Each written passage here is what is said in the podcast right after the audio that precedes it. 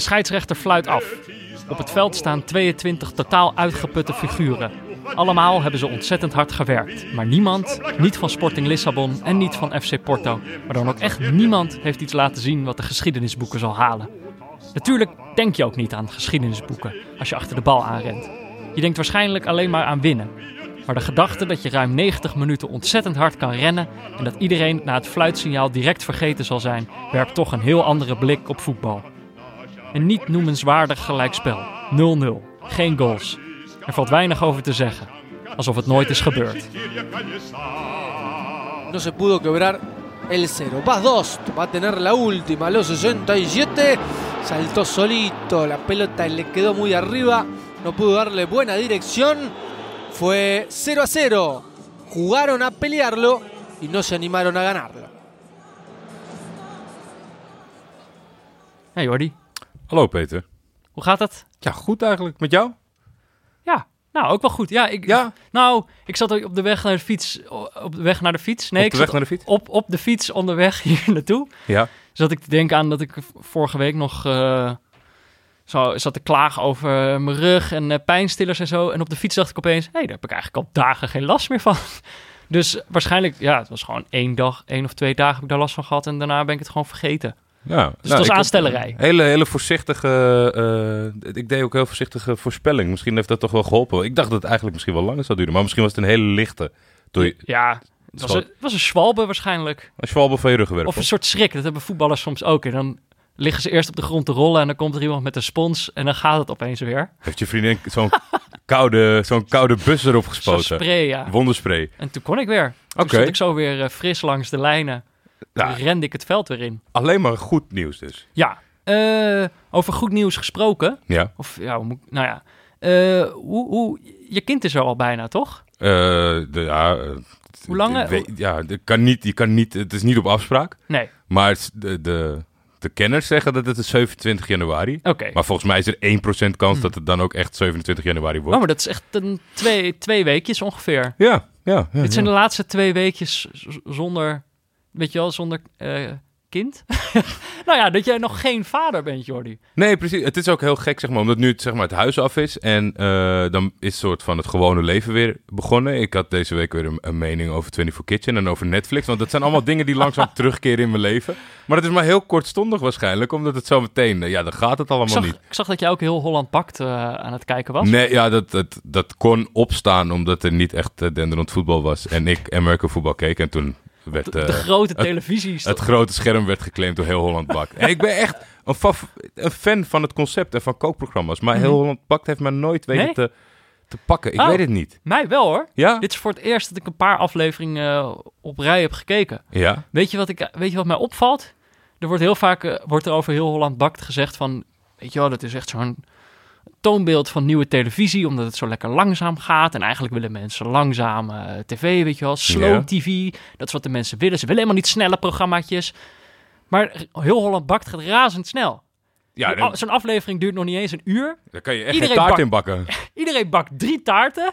En, en dan, weet je wel, dus in één aflevering krijg je, krijg je 30 taarten te zien. Nou ja, iets minder, want er vallen er wel steeds af. Het is echt een razendsnel programma. Dat is echt een misverstand. Ja. Nou ja, goed. Dat wilde ik even uit de wereld helpen. Nee, ja, snap ik. Maar even van heel Holland bak terug naar eh, de, jouw naderende kind. Mhm. Ehm, dat heeft waarschijnlijk voor de podcast heeft het ook wel. Ja, toch? Ik bedoel, dat heeft ook wel gevolgen. Als dat, als dat kind er is, kan het zijn dat er opeens geen, eh, even geen aflevering is. Of zo. Ja, ik, ik, ik had een, een Twitter-poll. Ja. Kind of podcast. Ja. Podcast won ruim. Ja. Heb ik thuis eh, geprobeerd eh, als onderbouwing te gebruiken.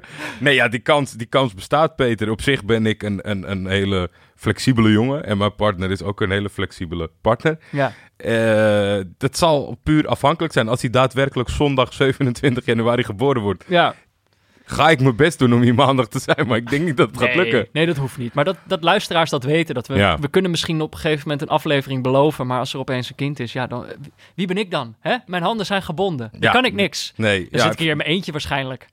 het, zou, het zou mogen van mij. Misschien moeten we dat vragen aan de luisteraars of ze daar, of ze daar zin in hebben. Nee, dat zou ik zelf helemaal niet willen. Nee? Oké. Nee joh, dat zou ik echt niet leuk vinden. Nou, bij deze dan al excuses van mij en, Ah, en Mini. ex- excuses? nee. Dan zijn, we zijn dan Huishoudelijke mededeling. Ja, precies. Mensen moeten het er maar gewoon mee doen. Weet je wat moeilijk is, Peter? Een naam verzinnen voor een kind. Dat Dat, draagt iemand zijn hele leven bij. En er zijn honderdduizend koppelingen te maken. Want kijk, bijvoorbeeld, jij bent een, een fantastische gozer. Peter, leuke naam. maar er is ook Peter de Vries. Ja. Ja, ik, ik, ik, ik, Hmm. ik, Weet je, elke keer denk ik dat ik er ben en denk, nee, hm, hm.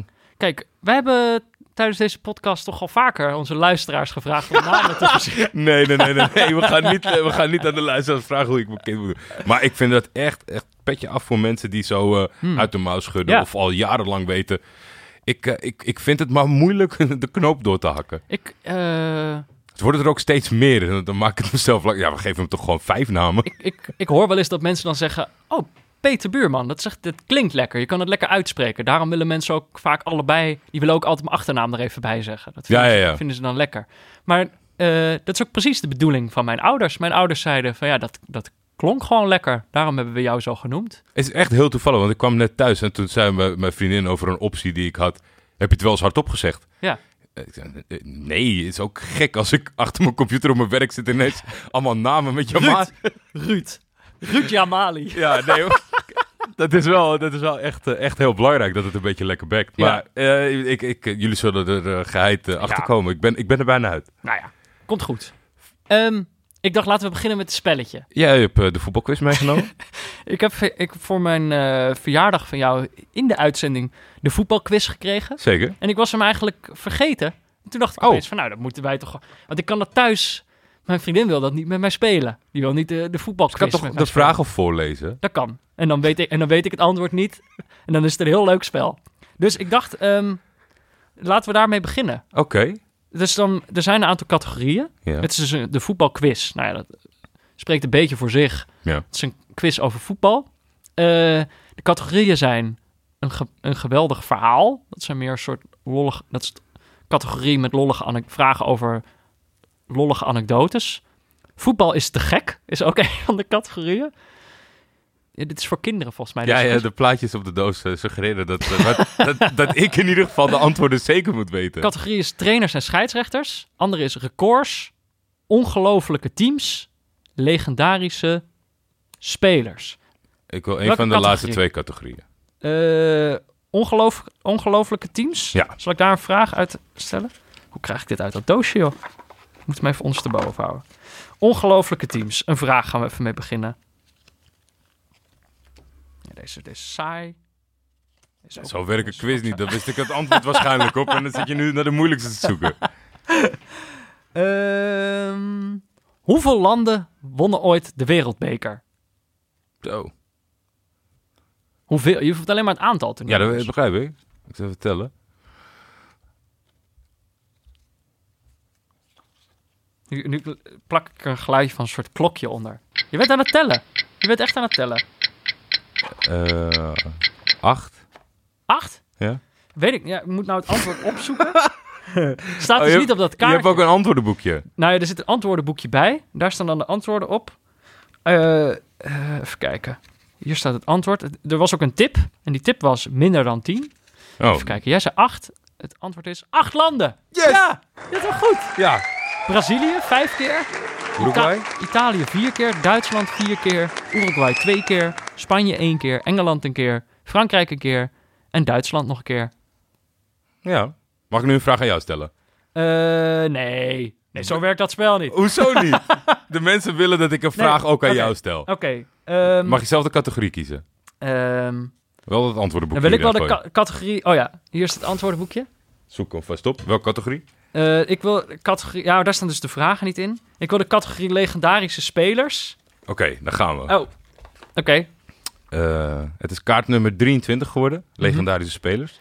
Welke beroemde voetballer werd afgekeurd in een opleidingscentrum omdat hij te dik was? 1. Laudroep. 2. Del Piero. 3. Platini. Hè? Hmm.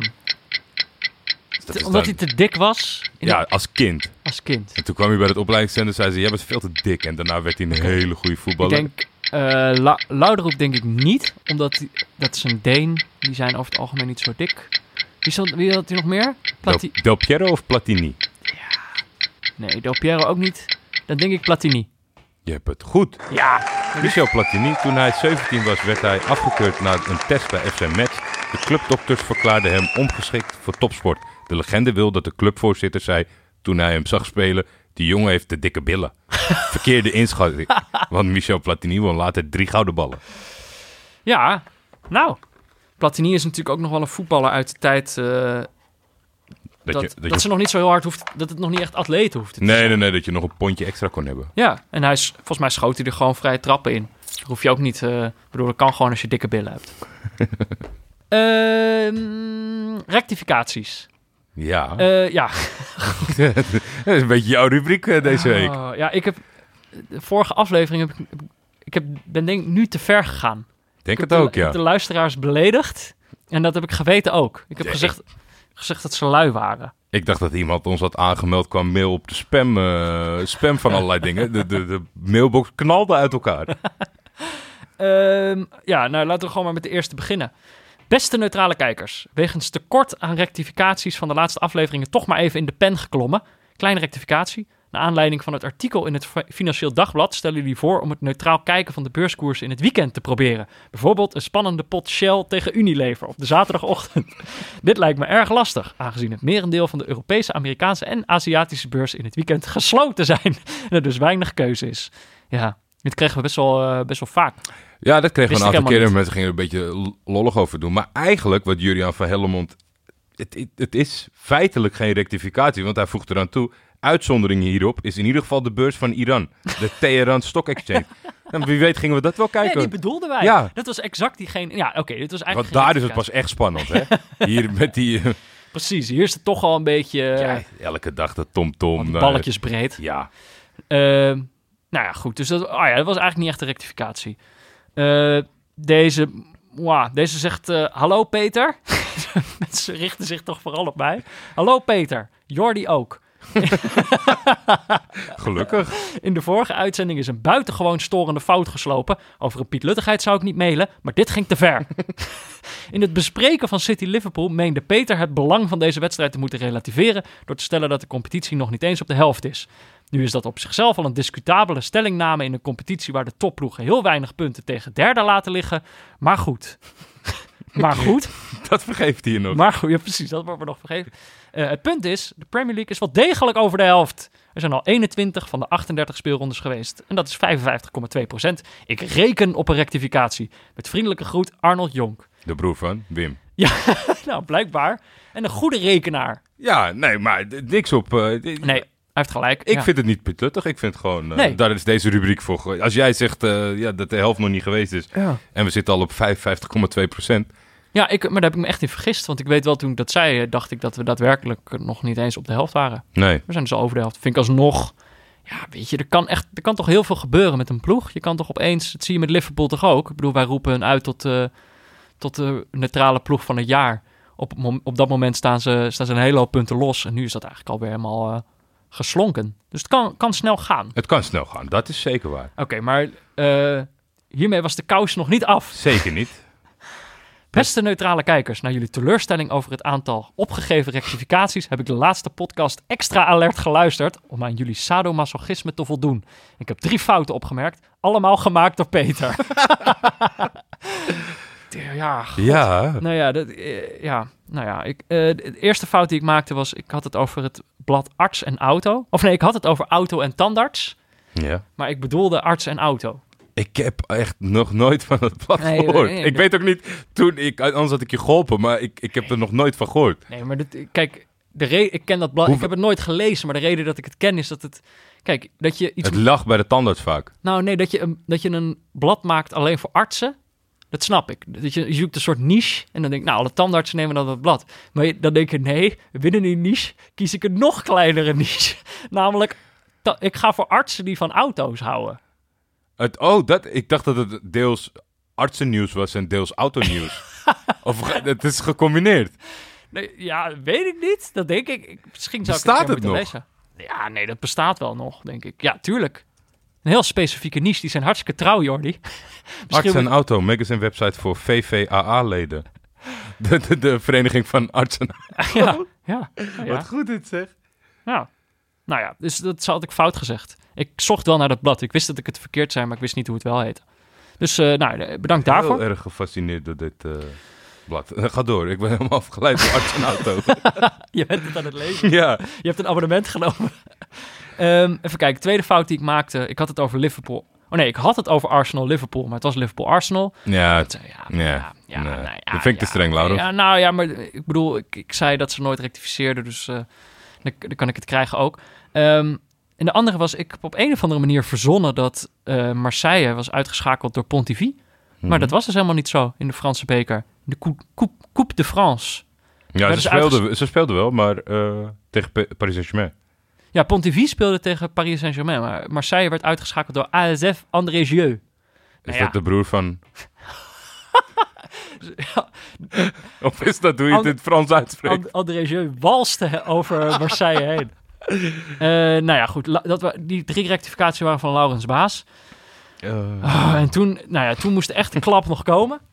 Beste neutrale kijkers. Peter gaf aan dat de rectificaties weer eens uitbleven. Waar dat in 2018 al eens voldoende aanleiding was om de luisteraars van luiheid te betichten, waren we nu vooral onverschillig. Het zou ons niet meer uitmaken dat jullie fouten maken. Het moet niet gekker worden! Daarom een rectificatie om Peters ongelijk wederom te bewijzen. En hem hopelijk weer wat nederiger te stemmen. Ja, daar hoop ik met je mee. eh. Een rectificatie met een staartje bovendien. Wat wil het geval? Slechts enkele minuten na zijn grove beschuldiging bezondigde Peter zich aan een foute uitspraak van een naam. Iets waar jullie volgens hem zelf notabene erg strikt in zijn. En waarvan jullie altijd exact willen weten hoe het zit. Hij sprak de naam van de nieuwe Argentijnse Ajax-verdediger namelijk op zijn Hollands uit. Met een Engelse G, Magalan. Terwijl het in het Spaans natuurlijk uitgesproken wordt, wordt als... Nee, dit snap ik. In het Spaans natuurlijk uitgesproken wordt als Magajan. Met de klemtoon op de laatste lettergreep. Maar er zijn ook nog mensen die het sp- specifiek op zijn Argentijns uitspreken. Magajan. En dat roept natuurlijk wel de vraag op hoe ver je moet gaan. Moet er Craig Bellamy straks ook op zijn Welsh uitspreken en Per Schuurs op zijn Limburgs of Sittarts? nou ja, ik, ehm, die laatste tweede weet ik nog niet zo goed, maar ik vind wel Magajan. Magajan moet het worden? Ja, vanaf nu heet hij gewoon Magajan. Ik ben heel erg benieuwd waar, eh, waar onze bevriende commentatoren voor gaan. Dat is natuurlijk wel elke keer als er een buitenlands speler komt een ding. Ja, als ze luisteren, ik zou zeggen gewoon voor Magajan gaan. Ja? Kijken wie het het langst volhoudt. Toch? Ja, ik denk, ik denk, je moet niet in het midden gaan zitten. Dus je doet of volledig Nederlands, Makalan, Ja. of Magajan. was eh, Lars Nicholson stuurde die op. Ja, Goed, eh, ik, heb, ik heb mijn lesje geleerd.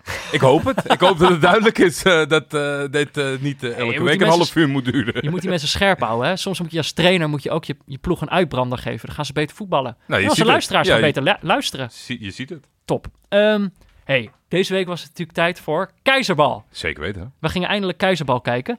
Maar voordat we naar de wederopstanding van het Nederlandse trainerschilde gaan... gaan we natuurlijk eerst naar ons gesponsorde segment. eh, namelijk van onze hoofdsponsor, Kiks.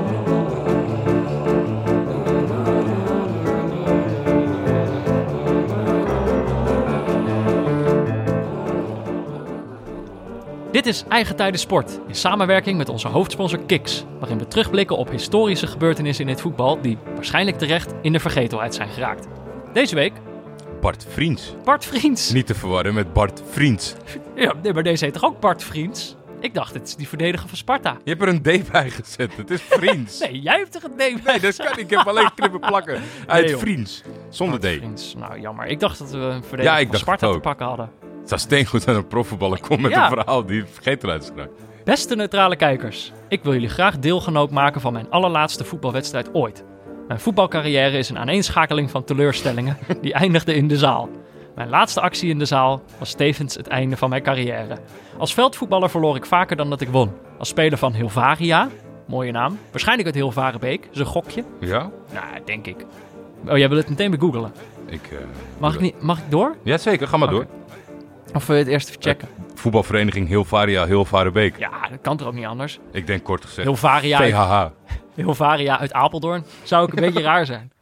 Eh, als speler van Hilvaria speelde ik vaak tegen vrienden van me die in andere dorpen woonden. Vrijwel altijd verloren we met dubbele cijfers. Dieptepunt waren wedstrijden tegen Audacia, waar ik tegen mijn beste vriend speelde. In een seizoen verloren we met 20-0 en 18-0. Ja, dat is echt heftig. hoor. Deze uitslagen drongen zelfs door tot aan de leerkrachten op school. Elke maandagochtend moest het eerst even vermeld worden hoeveel tegendoelpunten we dit seizoen weer hadden, dit weekend weer hadden geïncasseerd. Ja, Op het veld begon ik als spits. Ik eindigde als linksback. Toen ik van de A1 werd teruggezet naar de A2, was het genoeg. Ik hield het veld voor gezien. Ik ging toen ook studeren en besloot met dezelfde vrienden een zaalvoetbalteam op te zetten. Mijn fysieke gesteldheid was alleen op het veld al een probleem. In de zaal was het helemaal een drama. Om de paar wedstrijden zat ik met een flinke tennisbal op mijn enkel thuis. De introductie van de plofbal deed me uiteindelijk de das om. In plaats van een stuiterbal moesten we ineens spelen met een plofbal. Een soort zak aardappelen die je in bedwang moest houden. De eerste wedstrijd met een plofbal was mijn laatste wedstrijd als voetballer. Ik probeerde de bal onder mijn voet door te halen om een opponent uit te kappen. De plofbal bleef echter op zijn plek liggen en mijn enkel boog zich om de bal heen. Enkel gebroken. Ik moet denken aan Emiel Schelvis. Ja, nee, dat is zeer begrijpelijk. Toch? Zo- Fenomenaal filmpje waarin hij ook eh finaal mist. Maar dat is volgens mij zonder hele heftige gevolgen. ja, gelukkig. Maar ja, sneu wel. Sneu. Alles tot nu toe. Het was mijn laatste voetbalwedstrijd ooit. Beëindigd. Niet door een vliegende tackle, niet door een vervelende val, niet door ouderdom, maar omdat ik de bal onder mijn voet probeerde te halen. Probeerde door te halen. Maar omdat ik de bal onder mijn voet probeerde door te halen. Ik heb het seizoen afgemaakt als vlagger van mijn zaalvoetbalteam. Een passend einde aan een carrière zonder ook maar een hoogtepunt.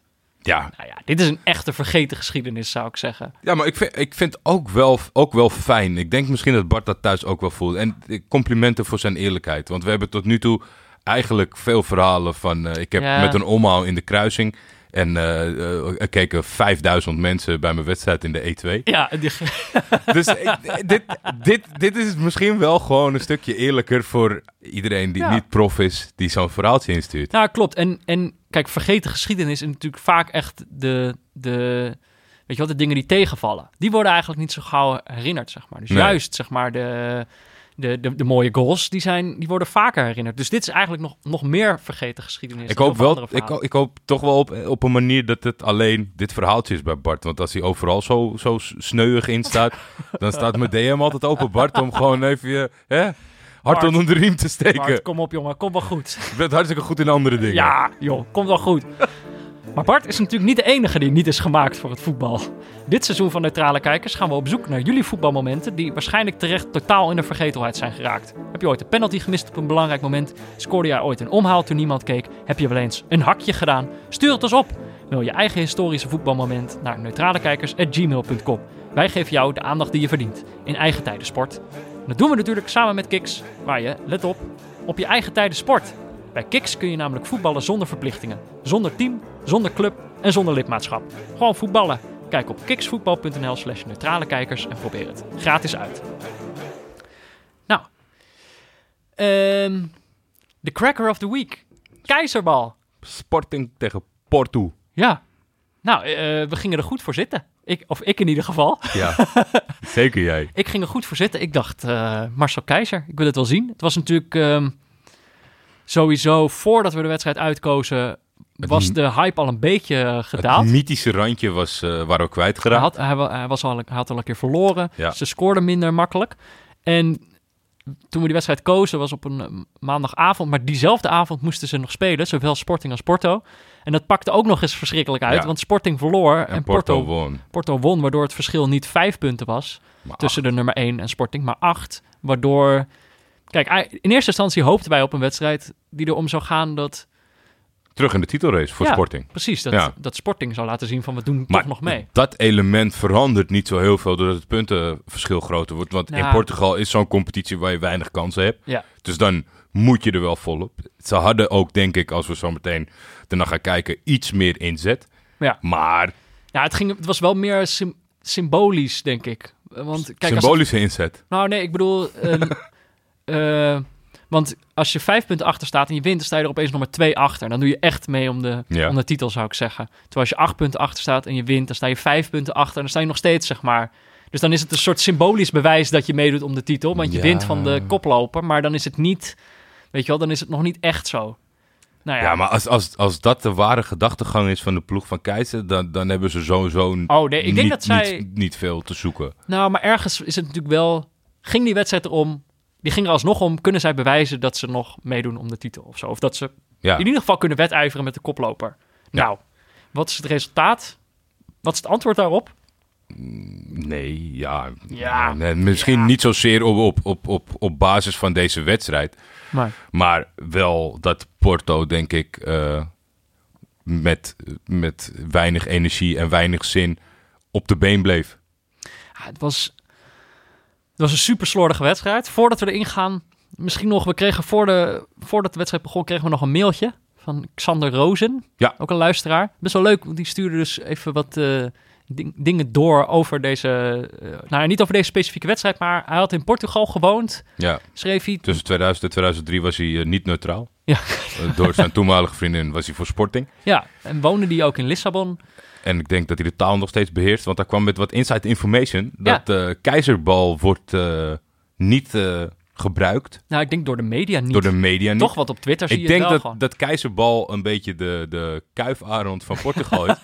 dat iedereen het wel weet online. Maar dat de oude media weigert om dit... eh Maar ja, de term waar hij mee kwam was Tiki Keizer. Tiki keizer. Die gebruiken ze dus wel. Die vind ik misschien nog wel belachelijker.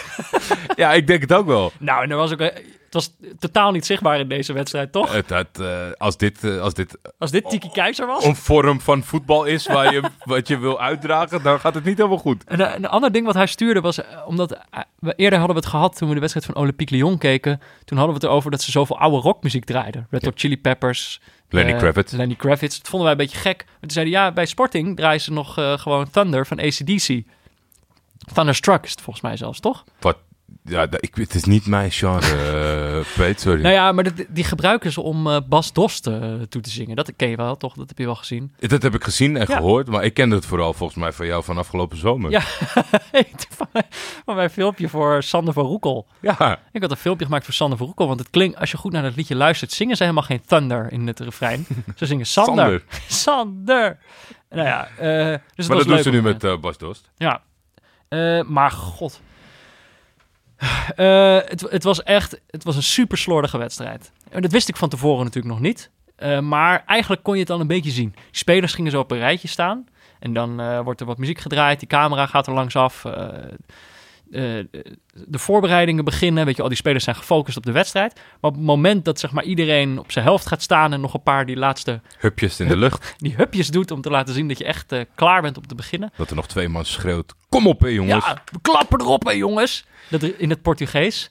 Ehm, op dat moment werden er nog eh, awards uitgereikt. Wat ik echt ontzettend raar vond. Dat opeens Bruno Fernandes kreeg opeens nog een prijs in zijn handen gedrukt. En, en Bas Dost ook, weet je wel. Dus je bent je gewoon aan het voorbereiden op de wedstrijd. Slecht, eh, slecht georganiseerd. Ja, dat kan toch niet? Doe je Ja. het daarna of zo? Of? Ja, of daarvoor. Wat, er- Ja, helemaal daarvoor Dus de spelers zijn natuurlijk, eh, komen het veld op, warming up, eh, applausje naar het publiek en een beetje heen. Dat is toch een ideaal moment om zoiets te doen. Dit was letterlijk een minuut voor de aftrap of zo. Hé, hey, Bas Dost, Bas. Hier heb je, Bas, hier heb je nog een beeldje. Ik weet ook niet precies wat hij won. Het zal, ja, weet ik veel. De Eh, speler van de maand of zo. Ja, Of het zou misschien van het jaar zijn. Nee. Jawel, kan toch? Van het jaar 2000. Nou, weet ik veel. Dat maakt Ik weet het niet. Er Zeg maar- weer iemand betaald voor... Ook dat eh, was slordig. Het was niet duidelijk. Toch? Het was, of hij was, ze hadden alvast bedacht dat hij man of the match zou worden. nee, dat was ook niet helemaal... Het is eh, niet echt helemaal uitgekomen. Zo, nee. Eh, maar op dat moment, weet je, er was nog wel... Ik zag, er was een fikkie op de tribune. Ja, Eh, sowieso, mooi stadion. Veel mensen in het, eh, in het, kleurrijk in het stadion. groen. Zo. Allemaal gekke Ja. kleurtjes, eh, Ja. die stoeltjes. Nou, maar ik vond het wel... Het, het zag er nog veelbelovend uit aan het begin. Er zit een Lidl, een gigantische Lidl in de buitenwand van het stadion. Is dat Wist zo? je dat? Ja. ik weet niet of je ooit, ooit, een, ooit een dominante voetbalploeg kan worden met een Lidl in je stadion. Het is wel handig.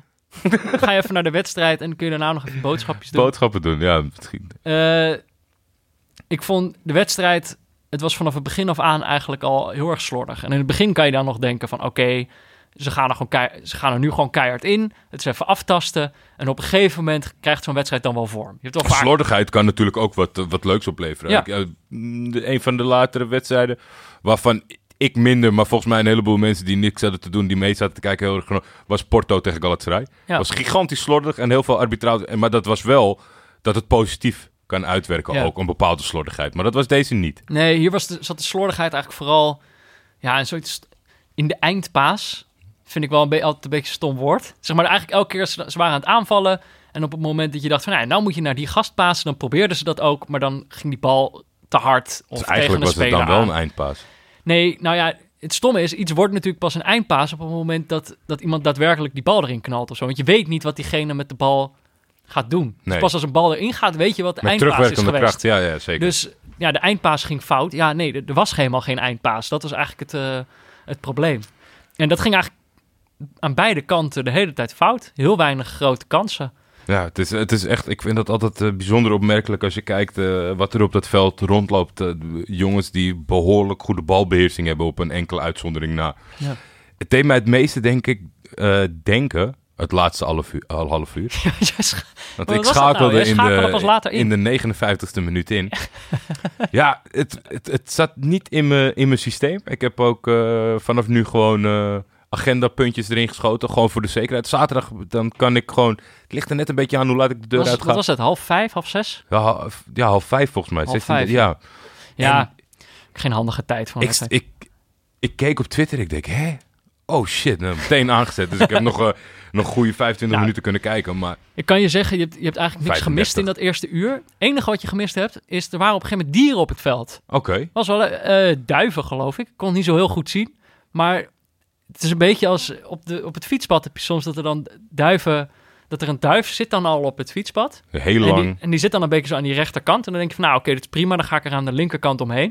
Maar dan op het moment dat je dichterbij komt... Dan ziet die duif jou aankomen. Die schrikt dan. Die denkt, oh. En dan denkt hij, ik moet weg. Maar in plaats van dat hij Kiest dan hij vaak de verkeerde ja, dan gaat hij juist nog eventjes voor je wiel doorrennen. nou, dat en dan in een voetbalveld. dat, je, dat je met die bal aan het rennen bent en dat er dan opeens allemaal beesten ja. gaan panikeren. Nou, dat gebeurt. Dat was Maar het eigenlijk... zegt ook wel wat dat, dat duiven konden staan in een 16 meter gebied tijdens deze wedstrijd. Ja, nee, ja, dit zijn... ehm, ik weet niet of het duiven waren. Het waren misschien een soort speciaal soort trekvogels die iedere winter naar het penaltygebied van Porto vertrekken om, daar- om daar te overwinteren. Maar ook allemaal wat mannen op leeftijd met verrekijkers die aan het noteren waren.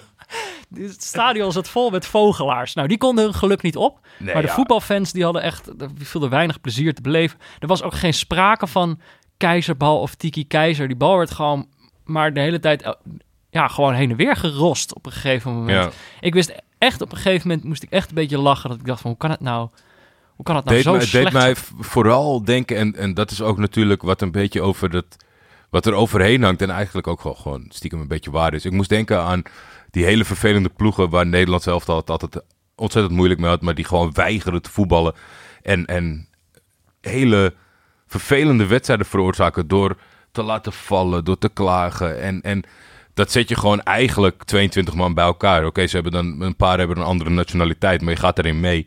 Ja, En ik vind dat zo'n vreemde keuze.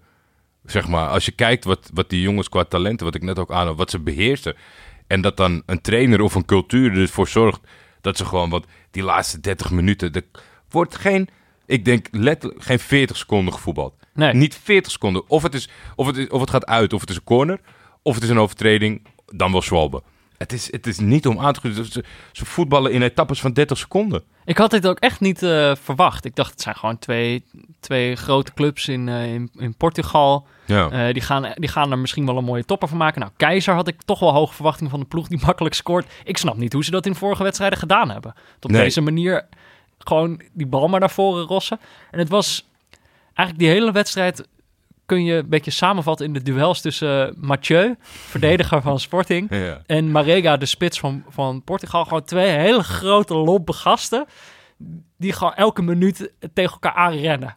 En de ene keer viel de andere en de andere keer viel de... Ze liepen elkaar eigenlijk om beurten omver. Dat was de wedstrijd zo'n beetje. Ja, En, dat eh, keurig gezegd. Ja, ik... eh, Bas Dost, niks van gezien eigenlijk. Toch? Die, die, was, die kreeg alleen maar de bal buiten de, buiten de 16.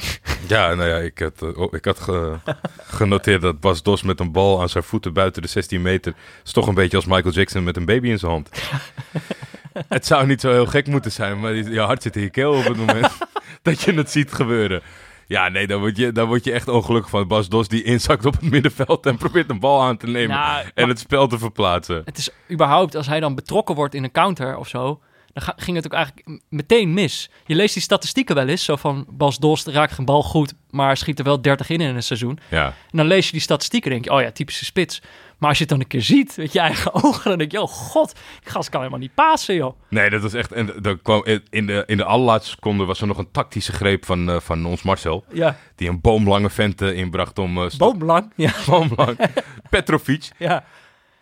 Die, die, die heeft drie keer een bal aangeraakt. Hij Drie keer buiten geschoten gewoon. Hij heeft ook geen, volgens mij heeft hij geen kopduel gehad. Volgens mij is het geen voetballer. Maar hij was gewoon heel lang en hij heeft twee, drie ballen over de zijlijn geschoten. Toen werd er afgefloten. Ik, het was zo... Op een gegeven moment kreeg ik er juist wel weer lol in, omdat het zo... Het was gewoon zo slecht. Het leek Ja, gewoon ik- helemaal ik- niet op een Ik wedstrijd. kon me ook wel vinden in, die- in, die, in die slotfase toen, eh, toen Petrovic erbij kwam. Dat als ik dit 90 minuten had moeten kijken, dat ik ook wel eerder was afgehaakt, zeg maar, Ja, in het, in, in het het gewoon een beetje volgen. uitlachen ja, van, deze, van dit duel. ja nou, jij, jij zei het heel goed, van dit is typisch zo'n wedstrijd. Ze kunnen nog vier uur doorgaan, maar die gaan nooit meer scoren. Ja, dat is altijd heel vrij, eh, vrij in te vullen door mensen, door, door, door mensen zelf, hoe, hoe lang ze dagen Ja. doorgaan, twee uur doorgaan, acht uur doorgaan. Ja, Maar hier zat geen doelpunt in. Met, Nee. met de, de beste wil zat er geen goal in, in dit duel. Ja, Nee. ik moet ook zeggen, al, als ik kijk eh, naar wat we hebben opgeschreven op zo'n dag, gaat over vlaggen, het gaat over dieren, het gaat over de uitspraak van de namen. Ze slikken alle, alle letters in op het eind. Ik, was echt een, eh, een, een- Danilo is gewoon Daniels. ja. Eh, Bruno Fernandes, daar halen ze alle, alle, dat is gewoon een soort van klank. Mhm. En het enige, ja, het positieve wat ik nog, wat ik weet van toen ik in Portugal was, dat betrof eh, de, de, de, het, het kledingmerk van Sporting. Wat is? Macron. Dat is denk ik het beste aan de ploeg. Dat is, eh, ja, hoe zou ik het zeggen? Het heeft een naam Mhm. dat je denkt, nee, niet zo. Maar Ik ken ik, het eigenlijk niet zo goed. nee, nee, ik het ziet er niet, ik vind het er niet heel raar uitzien als het op een shirt staat. nee, het is ook zeker niet heel raar. Mhm. En het zit ontzettend lekker. Ik heb een trainingspak gekocht en ik, mijn vriendin heeft me echt gedwongen om na twee weken of zo om het uit te trekken. Want ik, eh, ik, ik, ik, woonde er bijna in. Maar dat is, eh, ja, ik, het is echt kwalitatief. Heel goed. Je zou denken, weet je, met Nike en Adidas, eh, kijk niet naar om. Echt heel fijn sportmerk. Nou, dat vind ik, daar hebben we toch nog iets geleerd van Ja, dus als je, als, je dan, als je dan ergens een trainingspak of een Ja. shirtje ziet hangen dat je denkt, nou, ik wil het niet van dit merk, dan zou ik het toch overwegen. Ehm, ja, ons eindoordeel. Was het een goede wedstrijd voor het neutrale kijken? Nee. Nee, eh, echt totaal niet. Eh, het, is, het was eigenlijk soms, wat jij al zei, soms kan een slordigheid een wedstrijd ten goede komen.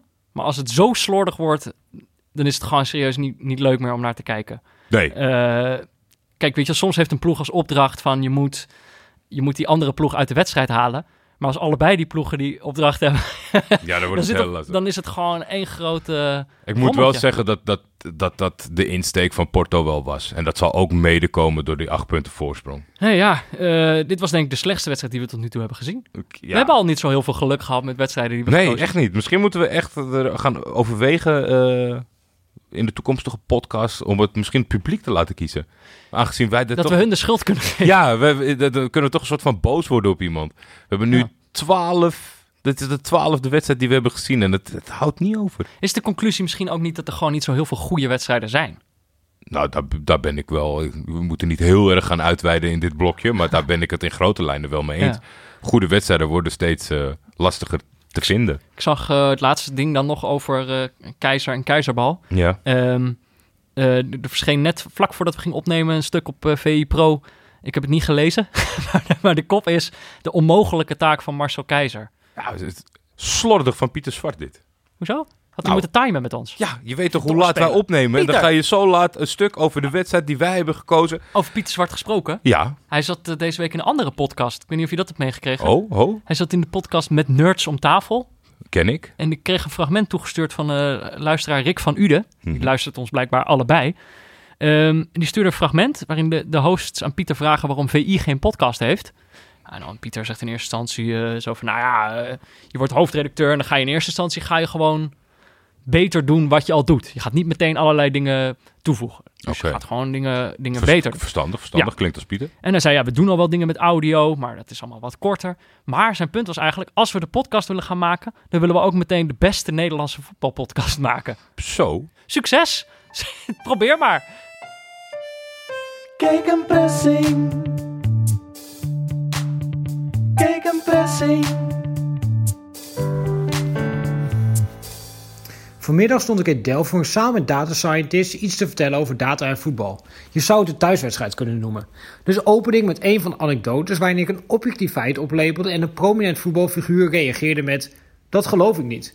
Gevolgd door de punchline: Dit is de voetbalwereld in een notendop. Je presenteert ze objectieve cijfers en ze reageren met subjectieve bullshit. Dat vinden data scientists grappig.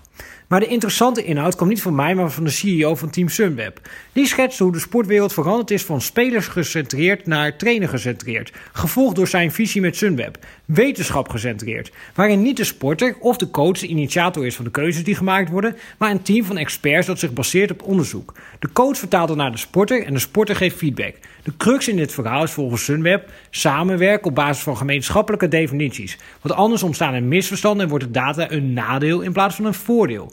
Zijn visie werkt in het wielrennen. En ik kon hem niet laten om af te vragen wanneer we dit model gaan zien in het voetbal. En hoe hard de ex-voetballers dan hun best gaan doen om dit belachelijk te maken. Alleen voor de amusementswaarde van die discussies is dat al een aanlokkelijk perspectief. Kijk een pressing. Kijk een pressing. Oké, verder nog wat leuks. Nog- Altijd. Zijn er, nou, altijd. Ik heb toch ergens het gevoel dat die winterstop voor iets minder, iets minder, Spektakel. ja, of zo. Of dat, eh, dat, maar misschien is het gewoon dat, we, dat, dat dit al de, wat is het, de twaalfde aflevering is. En dat we, dat, dat we niet in herhaling willen vallen en dat er daar dan gewoon niet zo heel veel overblijft. Misschien is het ook wel een soort van eh, blootstelling aan eh, dat alle voetbalvolgers online een soort in een visueuze cirkel gevangen zitten.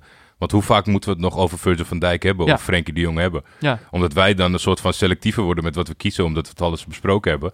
Ja. Blijft er ineens bar weinig over soms. Nou, ik had toch wel. Het, eh, wat me wel opviel, wat ik wel heel grappig vond, was een stukje. En ik snapte eigenlijk de discussie niet zo goed.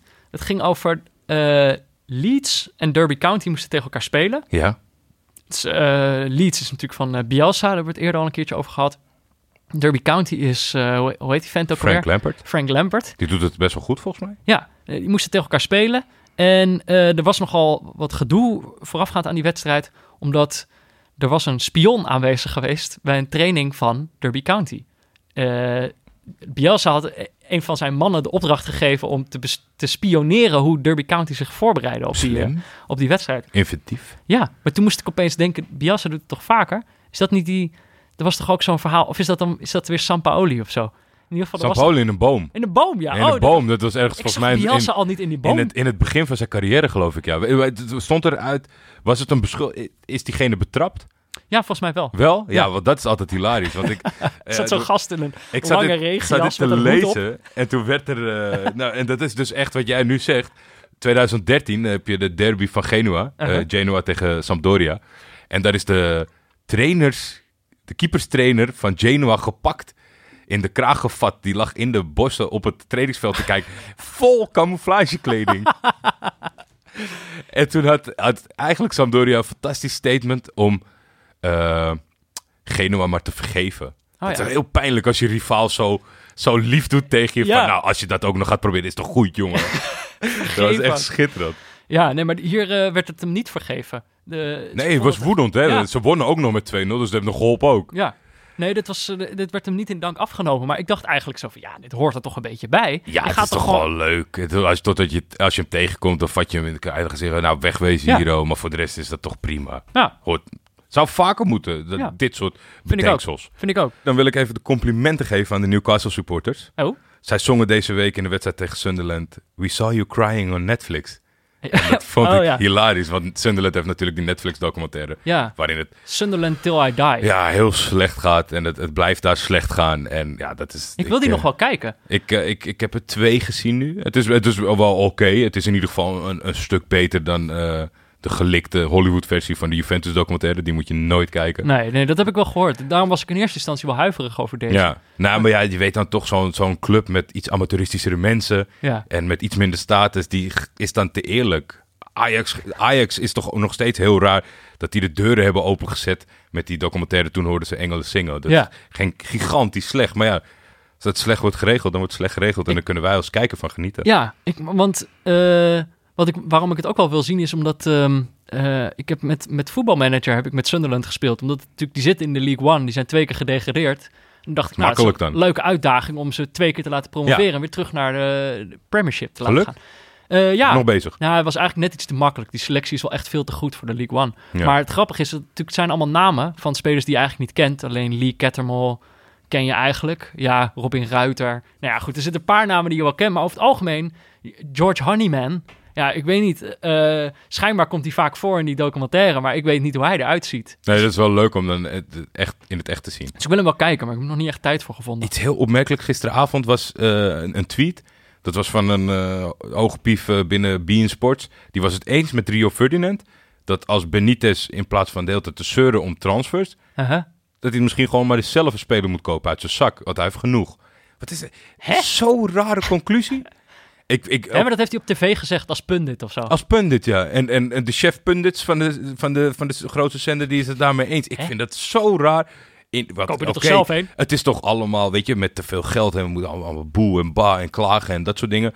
Maar om nou te stellen dat een trainer uit zijn eigen zak spelers moet gaan kopen, Heel raar. is heel raar. Hè, maar er was iemand anders die tweette van ja, ja. Iemand anders was het ermee eens. Ja, nou, i- iemand van volgens mij de zender waar ook eh, Ferdinand Pundit voor is af en toe. Nou ja, kijk, op zich, Benitez heeft natuurlijk wel veel geld. Klopt. Het lijkt mij gewoon een beetje raar als, als managers zelf spelers gaan kopen. Of is dat niet raar? Nou, Tuurlijk. is wel raar, toch? Het, is- het is heel raar. Ik dacht eerst dat het met een knipoog was. Ja. Omdat Benitez veel zeurt voor nieuwe spelers. Omdat die voorzitter een beetje een rare man is. Ja. En dan moet je... Ja, het- het staat niet goed als een trainer elke keer zegt... Ja, maar koop nou eens goede spelers. Maar de oplossing is niet om te zeggen... Ja, trek je Het zou wel vet even. zijn, toch? Als je als coach opeens bij een persconferentie zegt... Ik heb een nieuwe speler gekocht. En die gaat alles spelen. ja, daar heb je dan wel persoonlijke belangen bij natuurlijk. Een ander dingetje is... Wij willen natuurlijk in de zomer, hebben we wel een keertje voorzichtig uitgesproken... willen we waarschijnlijk de Afrika Cup gaan doen. ja. Maar ehm Was Die toen zou- even... Waar, waar is het überhaupt? gaat het wel door? ja. Dat was in Cameroen. En het wordt nou uiteindelijk niet in Cameroen gespeeld, omdat eh, veel stadions waren niet af. Ze liepen heel erg achter op de planning. En er wa- was separatistisch geweld in twee van de speelsteden, Ja. waardoor het Cameroen is afgenomen. Cameroen is, is natuurlijk ook het land waar, waar Patrick Kluivert en eh Clarence Seedorf nu... eh, Technische staf. ja, die- Bekleden. Die, die, proberen die ploeg, eh, of ja, die zouden met die ploeg in het thuisland wat gaan neerzetten. Maar nu zijn ze dus niet meer het thuisland, want het gaat nu naar Egypte. Ja. Het is toegewezen aan Egypte. Maar wat nog een beetje onduidelijk is, en ik heb het proberen te vinden. Eh, het is een beetje onduidelijk of Cameroen. Want die was natuurlijk in eerste instantie waren ze automatisch geplaatst. Omdat ze Maar ze wilden waren. toch meedoen met die kwalificaties. Omdat dat beter was dan oefenpotjes. Dat was al heel raar. Ja. Maar nu is het dus onduidelijk of ze die ze automatische mee plaatsing. gaan doen. Nou, of ze die automatische plaatsing houden.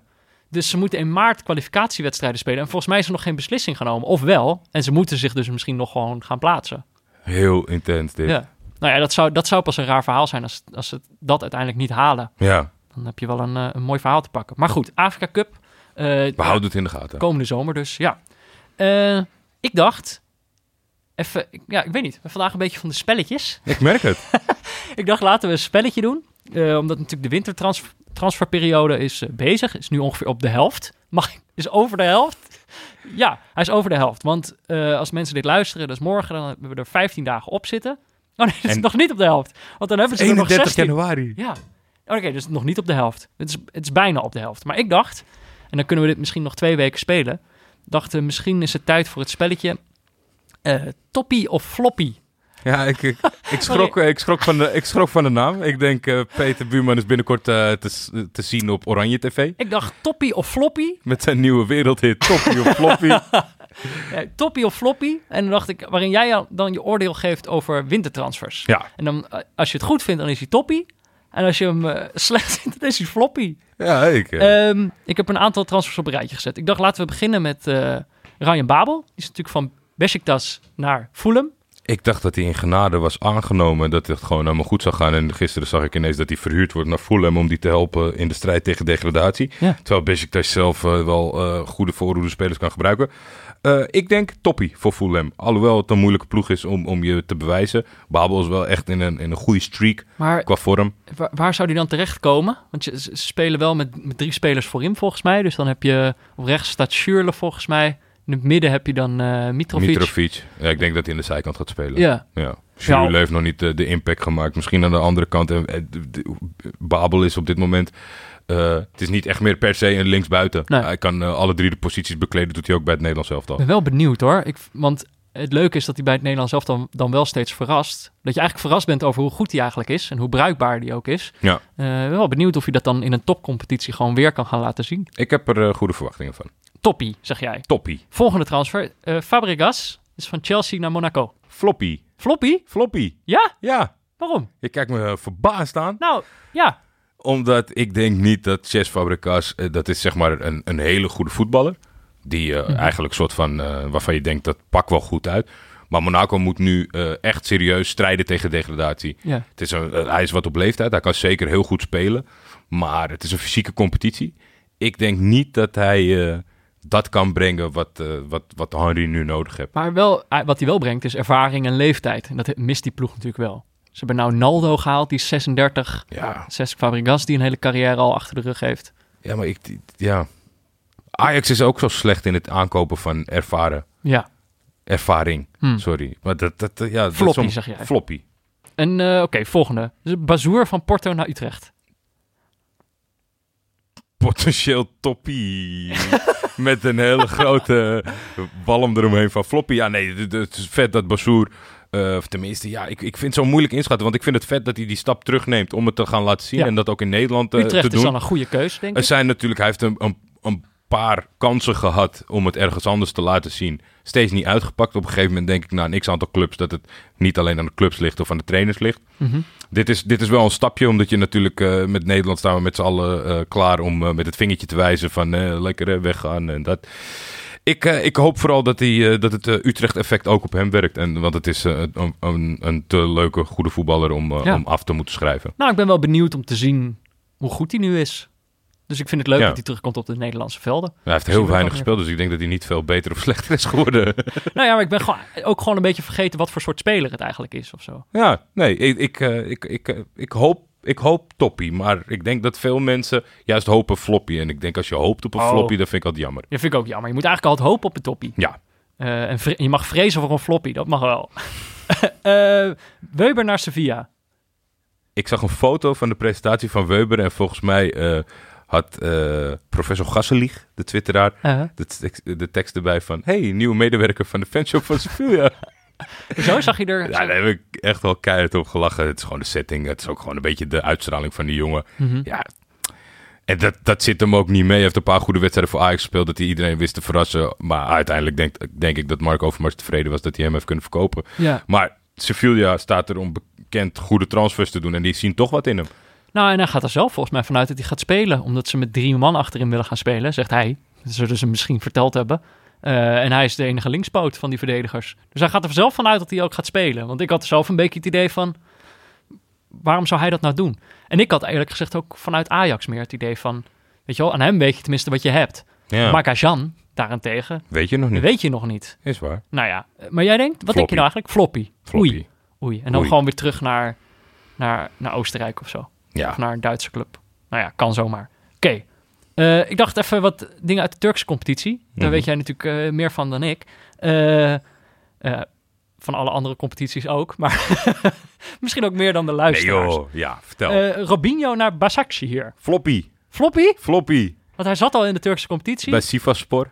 En dan was het daar ook al floppy. Ik geloofde voor het eerst in mijn leven Robinho. Uit zijn vrouw en zijn kinderen. En het was helemaal... Want Sivas, ja, dat is, is mooi. Maar je kan niet zo heel veel doen. Mhm. Dat is natuurlijk goed voor zo'n samba-jongen die houdt van een feestje. Ja.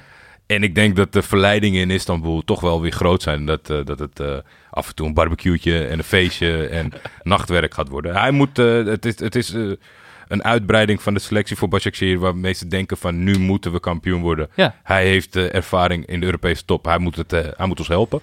Ik denk dat, eh, dat hij bij Sivas gewoon lekker frivol en rustig was. En dat dat nu een beetje, dat hij dat dreigt te verliezen in Istanbul. Ik was hem eigenlijk een beetje vergeten. Ik Ja, vind het gewoon wel weer leuk. wel. Ja, ik vind het gewoon wel leuk om te weten dat hij nog bestaat. Dat hij nog voetbalt. ja, als je Başakşehir het hele elftal, dan denk je van, hé, hey, die ken ik van 2008. Daar scouten zij op. Oh, dat, wel goed. Burak Yilmaz naar Besiktas. Ja. Toppie. Toppie? Eh, kort toppie. Top. Top. Ja, hij is wat ouder. Het is fantastische spits. Zal zeker zijn doelpunten gaan maken. Besiktas heeft eh, in de voorhoede een probleem. Alleen, ja, het is natuurlijk een vrij discutabele jongen. Hij speelt nu voor de tweede keer in zijn carrière bij Besiktas. Mhm. Heeft bij Fener gespeeld, heeft bij Trabzon gespeeld, heeft bij Galatasaray gespeeld.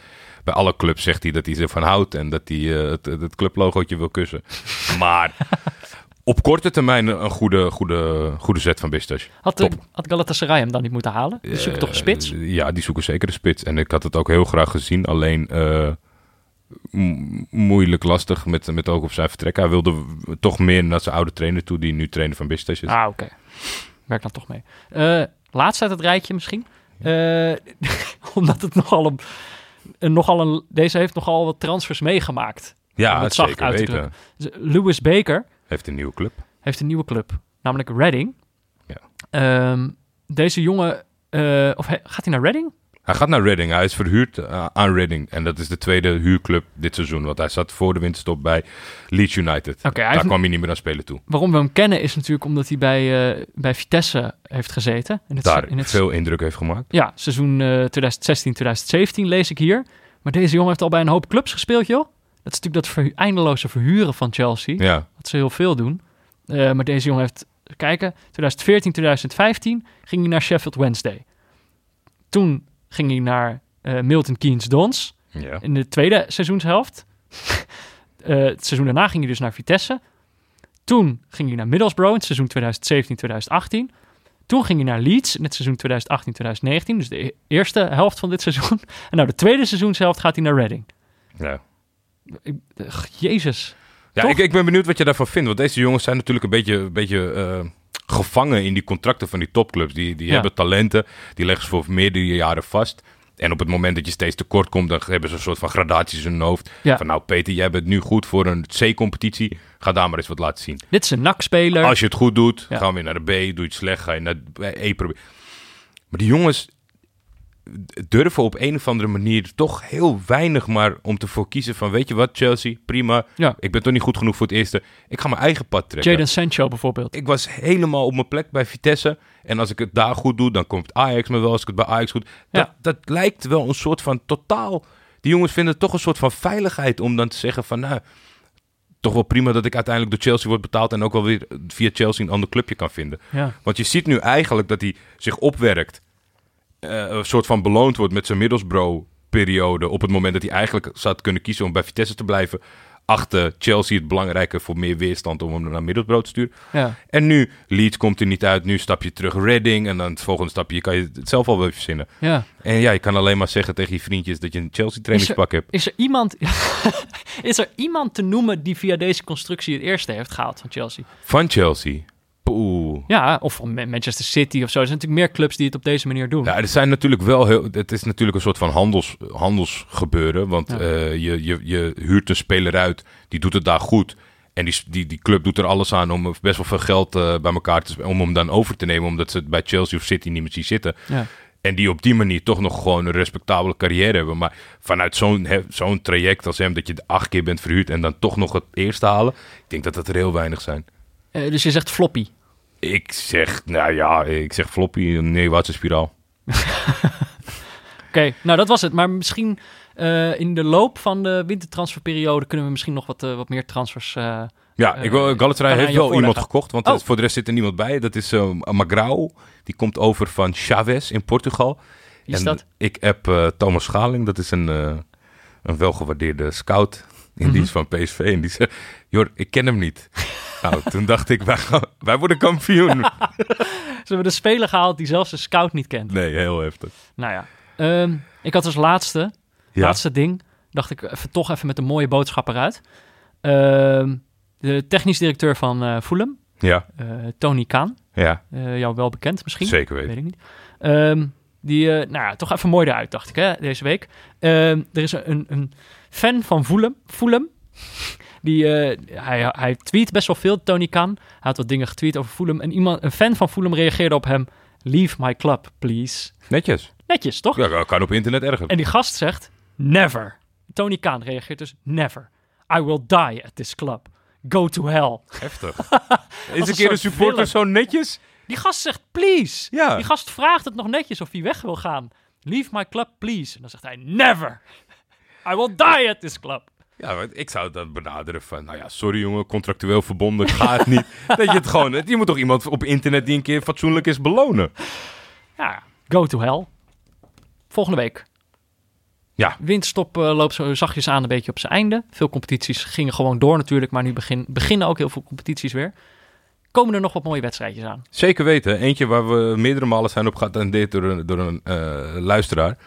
Eh, die had eh, initialen op Twitter GJ, maar dat bleek volgens mij dat hij Gijs heet. Niet Gert-Jan, Gijs-Jan. Gijs-Jan, Gijs-Jan misschien wel. Laat het weten, Gijs. Iran-Irak. Fantastisch duel, waar Ja. we allebei wel zin in hadden. Woensdag, eh, vijf uur. Alleen, ze hebben allebei de eerste potjes ruim gewonnen. Is de dus, Azië Cup. Ja, de Asian Cup. En dat betekent dus dat zij allebei zes punten hebben en de andere ja. ploegen nul. Dus ze, zijn, al door. Ja, dat Dus een hele misschien- saaie wedstrijd. Ja, dat ze elkaar nog laten tegenkomen. Niet het achterste van de tong willen laten zien. Dus dat is misschien niet heel verstandig. Nee, dat was jammer. was wel heel leuk geweest. Ja, zeker Ik weten. kreeg een beetje Congo-Congo gevoel erbij. Misschien komen ze elkaar Hmm. nog tegen in de rest eh, van de toernooi. Ja, Dat en- zou kunnen. Op zich lijkt het me echt nog wel leuk om een, Azië, één, één Azië Cup wedstrijd in ieder geval nog te zien. Ja, dat gaat ons wel lukken. Ja. Eh, vrijdag begint de Bundesliga weer. Met een mooi duel, denk ik, voor de luisteraar. Hoffenheim-Bayern. We hebben Hoffenheim natuurlijk al gezien dit seizoen. Hoffenheim hebben we gezien. Bayern eh, heeft Pavard verkocht voor heel veel Oh, miljoen. ja. Die back van eh, Frankrijk. Zaterdag heb je onder andere Real Madrid, Sevilla en AZ Utrecht. AZ Utrecht moest ik denken aan jou. Want juist, wat is nou een ploeg voor Peter? Het zei ja, eigenlijk een soort AZ en Utrecht, maar dan niet AZ en Utrecht. Dus zo het ideale plaatje voor jou. Ja, nou, was op zich wel een leuke wedstrijd lijkt me. Başakşehir heeft op zondag een hele zware dobber in de uitwedstrijd tegen Trabzonspor. Met Robinho. Dat is, eh, dat is een knallertje als je, daar, eh, als je daarvan houdt. Hm. Voor de rest, de hele zondag zijn eh, achtste finales van de Asian Cup. Mhm. Zeker iets om, eh, om naar uit te kijken. Oh, Alleen ja. weten we nog niet welke wedstrijden dat gaat opleveren. Nee, dus het is ook lastig om die nog te kiezen. Maar wij gaan Ja, we hebben nu echt een wedstrijd uitgekozen. Fredbal. Fredbal. we hebben deze week Keisbal. Dat was zo goed bevallen. We dachten, we gaan gewoon naar de Nee, ja, volgende... het keizerbal is, eh, is niet meer. Nee, dus we moeten op zoek naar, eh, naar een nieuwe koning van het Nederlandse trainerschilde. Nieuwe Nederlandse trainerschilde. En dat is natuurlijk Fred Rutte. Fred Rutte natuurlijk. Aangesteld bij Anderlecht. Eh, zijn eerste officiële wedstrijd uit bij Gent. Uit bij Gent. Hij heeft twee, twee oefenwedstrijdjes gespeeld. Tegen Hoffenheim gewonnen, tegen Heidenheim verloren. Ja, nou, prima. Prima. Anderlecht staat vijfde. Daarom is natuurlijk de trainer eruit gekieperd. Ja. Gent staat zevende. Ja, Drie puntjes ertussen. ja. ja het is natuurlijk in de, in de Belgische competitie is dat dan nog een beetje het geval. Omdat je uiteindelijk die kampioenspool krijgt. Ja, nee, op zich zegt die stand nu voor de halvering niet zo heel veel. Maar op zo- zondagavond 6 uur gaan wij toch even kijken hoe, hoe Fredbal eruit ziet. Ik, eh, ik heb hele nou- hoge verwachtingen. Jij denkt dat hij het na twee weken al helemaal op de rails heeft. Dat je, dat je zijn hand gaat zien. Oké, nou, dat gaan we kijken. Er was nog één, nog één dingetje. En dan nog was een luisteraar die vroeg van... kunnen jullie voortaan ook vertellen waar die wedstrijden te zien zijn? Ja? Ja, ik weet niet of mensen dit kennen, maar eh, het internet... Ja? Eh, www.internet.nl eh, jij zei dat gele eetje. Het blauwe eetje onderin. Oh, dat blauwe... Ja, sorry. Blauwe eetje. Waarom Ja, jij hebt natuurlijk een appel. Ik heb een, een Windows. Nou nee, ja. maar internet eh, moet lukken. internet.nl. Voor nu was dit Neutrale Kijkers in samenwerking met Dag en Nacht Media. Veel dank aan onze, ook, aan onze hoofdsponsor Kiks, aan Pieter Zwart voor zijn diepteanalyse van de werkvloer, aan Barry Pirovano voor de schitterende illustratie, Laurens Collet voor de gegenpressing jingle en aan Studio Cloak en Leon Liesner en Friends voor de muziek. En natuurlijk bedankt aan jullie allemaal, de luisteraars. Dat vergeten wij nog wel eens, hè, Jordi. Om die mensen Vergeet ik dat? Ik bedank ze hartstikke vaak. Oh ja, Hier en op Twitter. is waar. Ik ben, ik ben de ondankbare. Dat was de dat Daarom de zijn ze ook zo hard op jou. Eh, nou ja, als je ons nog een leuk berichtje wil sturen, dat kan natuurlijk. Kan gewoon eh, op Twitter of via de hashtag, hashtag neutrale kijkers. Je kan natuurlijk ook een recensie achterlaten in je podcast-app, iTunes, Spotify. Spotify kan je geen recensie achterlaten. Kan je wel lekker luisteren. Neutralekijkers.gmail.com Oh ja. Voor al je andere. Lekker mailen. Lekker mailen. Lekker mailen. Lekker ouderwets. Lekker analoog. Brief sturen kan niet. Nee. Zo analoog zijn we nou ook weer niet. Maar volgende week zijn we er weer. Of ik heb een kind. Allebei, allebei leuk. Ik vind het allebei leuk. Ja, tot dan Jordi. Tot dan, Peter.